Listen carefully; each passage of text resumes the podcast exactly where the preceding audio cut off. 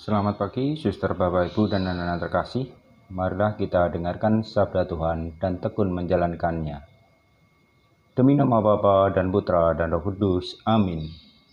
Allah Bapa yang Maha Kudus, kami bersyukur kepadamu karena Roh Kudus yang telah kau curahkan ke dalam diri kami. Ya Bapa, kami anak-anakmu berkumpul bersama untuk mendengarkan kehendakmu yang telah kau nyatakan dalam kitab suci.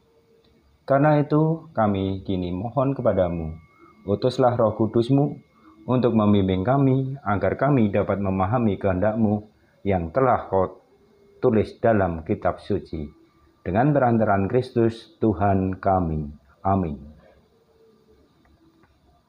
Inilah Injil Yesus Kristus menurut Yohanes. Dimuliakanlah Tuhan. Ketika hari raya Paskah orang Yahudi sudah dekat, Yesus berangkat ke Yerusalem.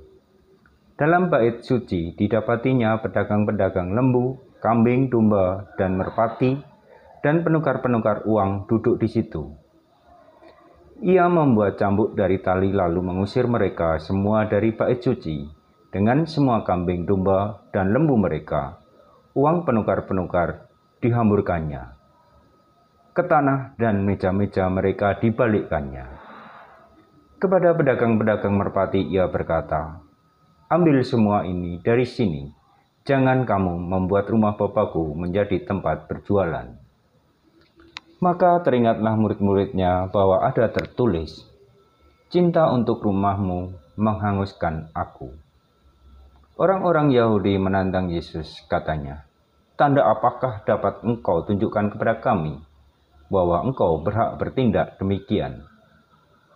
Jawab Yesus kepada mereka, Rombak bait Allah ini, dan dalam tiga hari aku akan mendirikannya kembali. Lalu kata orang Yahudi kepadanya, 46 tahun orang mendirikan bait Allah ini, dan engkau dapat membangunnya dalam tiga hari. Tetapi yang dimaksudnya dengan bait Allah ialah tubuhnya sendiri, Kemudian sesudah ia bangkit dari antara orang mati, barulah teringat oleh murid-muridnya bahwa hal itulah yang telah dikatakannya. Dan mereka pun percaya akan kitab suci dan akan perkataannya yang telah diucapkan Yesus. Demikianlah Injil Tuhan. Terpujilah Kristus. Salah satu penyebab kekacauan dalam hidup adalah banyaknya perilaku-perilaku yang menyimpang. Ibarat sebuah perjalanan, penyimpangan membuat kita tidak akan pernah sampai pada tujuan. Penyimpangan itu sejajar dengan penyalahgunaan. Setiap praktek penyalahgunaan akan menimbulkan efek yang tak terduga. Kalau kita perhatikan, jenis-jenis penyakit di zaman modern ini mungkin saja disebabkan banyak penyimpangan.